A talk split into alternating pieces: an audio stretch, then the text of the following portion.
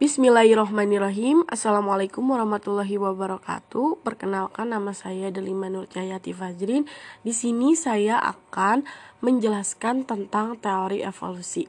Evolusi merupakan ilmu yang mempelajari mengenai perubahan bahan genetik atau karakteristik suatu individu dalam populasi pada suatu waktu tertentu, yang di mana alam berpengaruh untuk mengarahkan evolusi dari populasi tersebut. Kemudian dalam mempelajari evolusi itu dibutuhkan apa? Dibutuhkan skala waktu geologi yang berguna untuk memudahkan para evolusioner dalam mencatat waktu pada saat meneliti keadaan kehidupan di bumi. Dengan skala waktu geologi ini dapat membantu para ilmuwan untuk menjelaskan waktu dan hubungan antara peristiwa yang terjadi sepanjang sejarah bumi. Kemudian dalam menentukan waktu ini bisa dengan menggunakan fosil atau menggunakan isotop radioaktif. Selanjutnya terdapat uh, teori dari uh, terbentuknya pangea yaitu karena adanya kontraksi yang disebabkan oleh pendinginan jangka panjang sehingga pada saat musim panas kemudian musim panas tersebut bertemu dengan udara dingin yang akan menyebabkan pengerucutan. Kemudian adanya teori apung benua di mana terdapat pergeseran benua ke arah barat dan Ekuador. Kemudian teori lempeng tektonik yaitu litosfer berada di atas atmosfer sehingga daratan itu bergeser kemudian muncul pula eh, muncul pulau di Indonesia menurut beberapa ahli. Munculnya pulau di Indonesia itu karena apa? Karena Indonesia itu bisa muncul dari dasar laut. Indonesia itu sebagian berasal dari Laurasia dan Gondwana. Indonesia itu seluruhnya berasal dari Gondwana. Kemudian muncullah prokariotik. Eh, prokariot itu adanya perkembangannya dari sel proto, protobion. Jadi prokariot itu beradaptasi pada kondisi awal awal bumi. Kemudian muncul eukariot prokariot yang berasal dari evolusi prokariot. Munculnya keanekaragaman makhluk hidup ini merupakan perubahan karakter tiap individu pada suatu populasi dari generasi ke generasi uh, munculnya protista kemudian diduga merupakan organisme eukariot tertua. Selanjutnya itu ada adanya evolusi tumbuhan yang berasal dari nenek moyang akuatik yaitu ada alga hijau ditandai dengan adanya disertifikasi tumbuhan vaskuler. Kemudian tumbuhan tersebut mengalami evaluasi evolusi ditandai dengan adanya biji. Selanjutnya ada apa? Selanjutnya ada gimnospermae atau tumbuhan berpembuluh berbiji. Kemudian tumbuhan tersebut itu mengalami evolusi lagi, yaitu ditandai dengan apa? Dengan munculnya bunga. Kemudian evolusi invertebrata hingga vertebrata awalnya itu hanya hewan pertama kali berasal dari potista. Nah, kemudian pada masa Kambrium hewan tersebut melakukan radiasi aktif sebelumnya terjadinya uh, ledakan Kambrium makhluk hidup itu sangat primitif. Nah, dengan terjadinya ledakan Kambrium semua hewan itu muncul dalam wujud sempurna dengan struktur yang lebih maju pada waktu yang cepat. Evolusi vertebrata merupakan kordota awal yang transisi menjadi vertebrata di awal dengan vertebrata yang memiliki rahang uh, sehingga vertebrata memiliki kelenjar susu. Nah, selanjutnya yaitu ada asal usul manusia. Apa sih asal usul manusia itu? Asal usul manusia itu uh, ini diduga berasal dari Aus Australopithecus. Yang mengalami evolusi Australopithecus ini merupakan kera dari selatan yang sebagian tubuhnya itu mirip dengan manusia dan kemudian Australopithecus ini berevolusi menjadi apa? Menjadi genus Homo yang diduga mirip dengan manusia modern. Selanjutnya itu ada tahap-tahap dari evolusi menjadi manusia. Yang pertama itu ada karakter turunan manusia. Banyak karakter yang membedakan manusia dengan kera lainnya. Yang paling jelas itu manusia berdiri tegak dan pegal. Manusia itu memiliki otak yang lebih besar dan mampu ber berbahasa dan berpikir simbolik. Kemudian manusia itu dapat membuat dan menggunakan peralatan yang kompleks. Manusia juga memiliki rahang yang tereduksi bersama saluran pencernaan yang lebih pendek. Manusia dan simpanse itu memiliki persamaan genom sebesar berapa? Sebesar 99%. Selan Oke, selanjutnya itu ada genetika populasi. Jadi gini ya, jika populasi itu merupakan bidang biologi yang mempelajari komposisi genetik, populasi biologi dan perubahan dalam komposisi genetik yang dihasilkan dari pengaruh berbagai faktor, termasuk seleksi alam.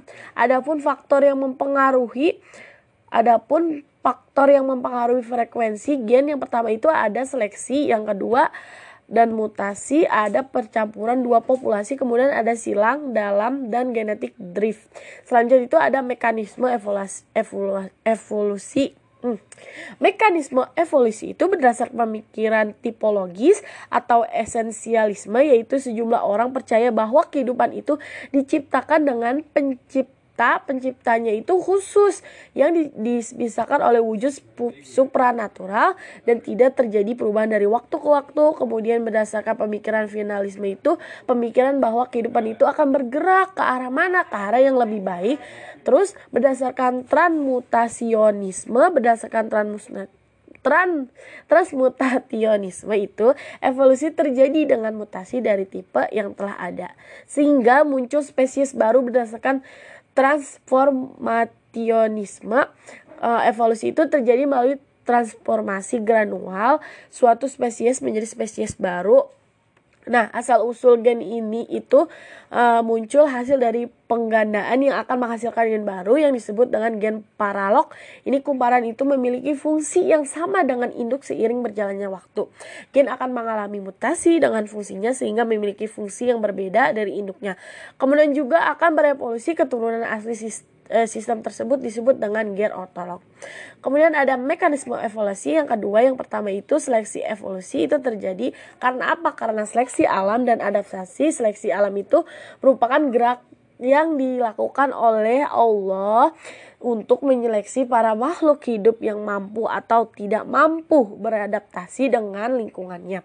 Ada macam-macam seleksi alam. Yang pertama ada seleksi mengarah, seleksi stabilitas, seleksi siklis dan sel selat yang memisahkan yang kedua adalah ada adaptasi. Jadi agar dapat bertahan hidup gitu ya makhluk hidup itu harus beradaptasi dengan apa? Dengan lingkungannya. Dengan begitu makhluk hidup itu mampu meroleh kebu memperoleh kebutuhan nutrisi mengatasi kondisi fisik lingkungan mempertahankan hidup dari musuh alaminya dan merespon perubahan yang terjadi di sekitarnya. Adaptasi itu di dapatkan secara bertahan yaitu contohnya pada Archaeopteryx yaitu memiliki gigi, ekor panjang dan panggul dengan tulang panggul dan tulang duduk. Terpisah kemudian seiring berjalannya waktu.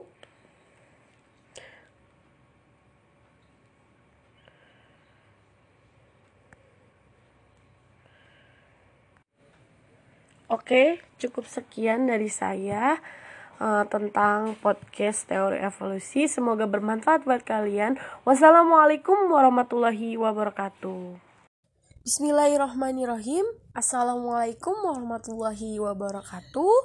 Perkenalkan nama saya Delima Nurjayati Fazrin.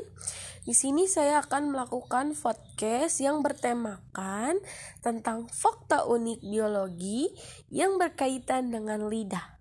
Nah, lidah ini sangat gak asing kan buat kalian.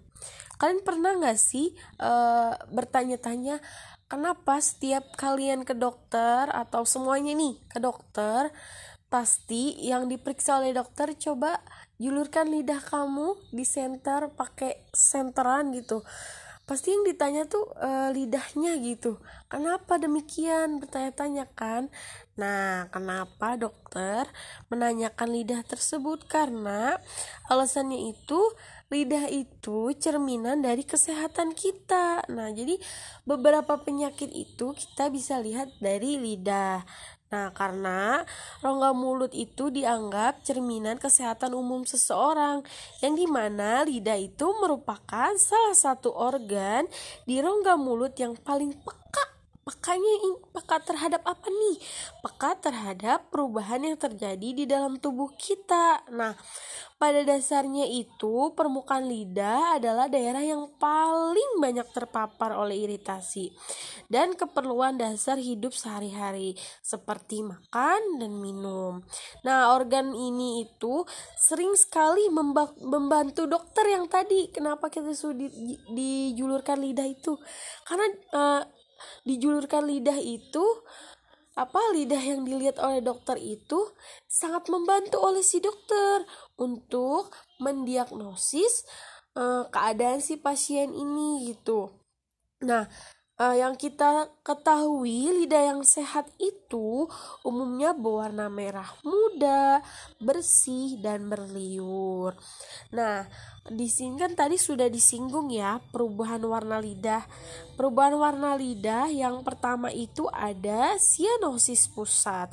Sianosis pusat itu apa? Nah, sianosis pusat ini uh, warnanya warna lidah kita itu membiru pada selaput lendir karena karena apa? Disebabkan apa? Disebabkan kekurangannya jumlah oksigen dalam darah. Ini terjadi pada penyakit apa sih kalau misalkan membiru ini? Nah, ini terjadi pada penyakit kegagalan jantung. Nah, kegagalan jantung ini saluran pernapasan uh, dan uh, anoksia itu mengalami kegagalan eh, yang di mana dalam sianosis ini bibir menjadi biru pucat. Selain uh, si lidah ini uh, membiru dan pada selaput lendir karena berkurang uh, jumlah oksigen dan dalam darah nah bibir kita itu menjadi warna biru juga gitu. Ini terjadi karena kegagalan jantung. Yang kedua ada jaundice atau penyakit kuning. Nah penyakit kuning ini merupakan di mana uh, perubahan warna menguning pada seluruh selaput lendir pada tubuh kita. Nah, termaksud si lidah ini. Nah, jadi karena meningkatnya bilirubin ini dalam darah, Juandis ini terlihat pada hepatitis, penyumbatan saluran empedu, peningkatan kehancuran sel darah merah. Jadi eh, penyakit kuning juga bisa dilihat di atau diagnosis dari lidah. Lidahnya berwarna kuning. Kemudian ada apa lagi? Ada uremia lanjutan. Nah, peningkatan uremia ini dan limbah produk nitrogen dalam darah karena diakibatkan gagal ginjal. Yang tadi yang pertama membiru itu gagal gagal jantung di sini gagal ginjal. Nah, gagal ginjal di sini uh, um, lidahnya itu menjadi berwarna coklat. Nah, kalau yang tadi kan yang gagal jantung itu lidahnya menjadi warna biru. Kalau gagal ginjal ini lidah kita itu menjadi warna coklat. Jadi ditandai di atau di, didiagnosis dengan berwarna coklat kalau kita mempunyai gagal ginjal. Kemudian ada apa? Ada ketoasidosis. Nah, ketoasidosis ini kumpulan keton tubuh biasanya terlihat pada penderita diabetes. Nah, biasanya diabetes ini bisa dilihat berwarna e, lidah ini menjadi coklat dengan bau keton yang khas dari mulut kayak gitu. Kemudian ada apa lagi? Ada anemia. Anemia, anemia di sini yaitu kurangnya presentase hemoglobin di dalam darah. Nah, sehingga yang mempunyai penyakit anemia ini lidahnya itu menjadi warna pucat, putih pucat pucat lah. Pokoknya kalian tahu lidah pucat.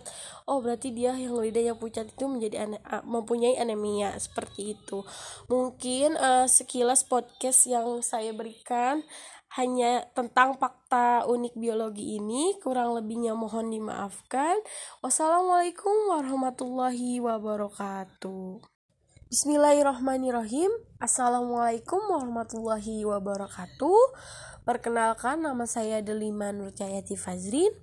Di sini saya akan melakukan podcast yang bertemakan tentang fakta unik biologi yang berkaitan dengan lidah. Nah, lidah ini sangat gak asing kan buat kalian. Kalian pernah gak sih uh, bertanya-tanya kenapa setiap kalian ke dokter atau semuanya nih ke dokter pasti yang diperiksa oleh dokter coba julurkan lidah kamu di center pakai senteran gitu pasti yang ditanya tuh e, lidahnya gitu kenapa demikian bertanya-tanya kan nah kenapa dokter menanyakan lidah tersebut karena alasannya itu lidah itu cerminan dari kesehatan kita. Nah, jadi beberapa penyakit itu kita bisa lihat dari lidah. Nah, karena rongga mulut itu dianggap cerminan kesehatan umum seseorang, yang di mana lidah itu merupakan salah satu organ di rongga mulut yang paling peka Pekanya peka terhadap apa nih? Peka terhadap perubahan yang terjadi di dalam tubuh kita. Nah, pada dasarnya itu permukaan lidah adalah daerah yang paling banyak terpapar oleh iritasi dan keperluan dasar hidup sehari-hari seperti makan dan minum. Nah, organ ini itu sering sekali membantu dokter yang tadi kenapa kita sudah dijulurkan lidah itu karena uh, dijulurkan lidah itu apa lidah yang dilihat oleh dokter itu sangat membantu oleh si dokter untuk mendiagnosis uh, keadaan si pasien ini gitu. Nah, uh, yang kita ketahui lidah yang sehat itu umumnya berwarna merah muda, bersih dan berliur. Nah, di sini kan tadi sudah disinggung ya perubahan warna lidah. Perubahan warna lidah yang pertama itu ada sianosis pusat. Sianosis pusat itu apa? Nah, sianosis pusat ini uh, warnanya warna lidah kita itu membiru pada selaput lendir karena karena apa? Disebabkan apa? Disebabkan kekurangannya jumlah oksigen dalam darah. Ini terjadi pada penyakit apa sih kalau misalkan membiru ini? Nah, ini terjadi pada penyakit kegagalan jantung. Nah, kegagalan jantung ini saluran pernapasan uh, dan uh, anoksia itu mengalami kegagalan eh, yang di mana dalam sianosis ini bibir menjadi biru pucat. Selain uh, si lidah ini uh, membiru dan pada selaput lendir karena berkurang uh, jumlah oksigen dan dalam darah nah bibir kita itu menjadi warna biru juga gitu. Ini terjadi karena kegagalan jantung. Yang kedua ada jaundice atau penyakit kuning. Nah Penyakit kuning ini merupakan di mana uh, perubahan warna menguning pada seluruh selaput lendir pada tubuh kita. Nah, termaksud si lidah ini. Nah, jadi karena meningkatnya bilirubinan ini dalam darah, Juandis ini terlihat pada hepatitis, penyumbatan saluran empedu, peningkatan kehancuran sel darah merah. Jadi eh, penyakit kuning juga bisa dilihat di atau diagnosis dari lidah. Lidahnya berwarna kuning. Kemudian ada apa lagi? Ada uremia lanjutan. Nah, peningkatan uremia ini dan limbah produk nitrogen dalam darah karena diakibatkan gagal ginjal. Yang tadi yang pertama membiru itu gagal gagal jantung di sini gagal ginjal. Nah, gagal ginjal di sini uh, um, lidahnya itu menjadi berwarna coklat. Nah, kalau yang tadi kan yang gagal jantung itu lidahnya menjadi warna biru. Kalau gagal ginjal ini lidah kita itu menjadi warna coklat. Jadi ditandai di atau di, didiagnosis dengan berwarna coklat kalau kita mempunyai gagal ginjal. Kemudian ada apa? Ada ketoasidosis. Nah, ketoasidosis ini kumpulan keton tubuh biasanya terlihat pada penderita diabetes. Nah, biasa diabetes ini bisa dilihat berwarna e, lidah ini menjadi coklat dengan bau keton yang khas dari mulut kayak gitu. Kemudian ada apa lagi? Ada anemia. Anemia, anemia di sini yaitu kurangnya presentase hemoglobin di dalam darah. Nah, sehingga yang mempunyai penyakit anemia ini lidahnya itu menjadi warna pucat, putih pucat pucat lah. Pokoknya kalian tahu lidah pucat. Oh berarti dia yang lidahnya pucat itu menjadi ane mempunyai anemia. Seperti itu. Mungkin uh, sekilas podcast yang saya berikan hanya tentang fakta unik biologi ini. Kurang lebihnya mohon dimaafkan. Wassalamualaikum warahmatullahi wabarakatuh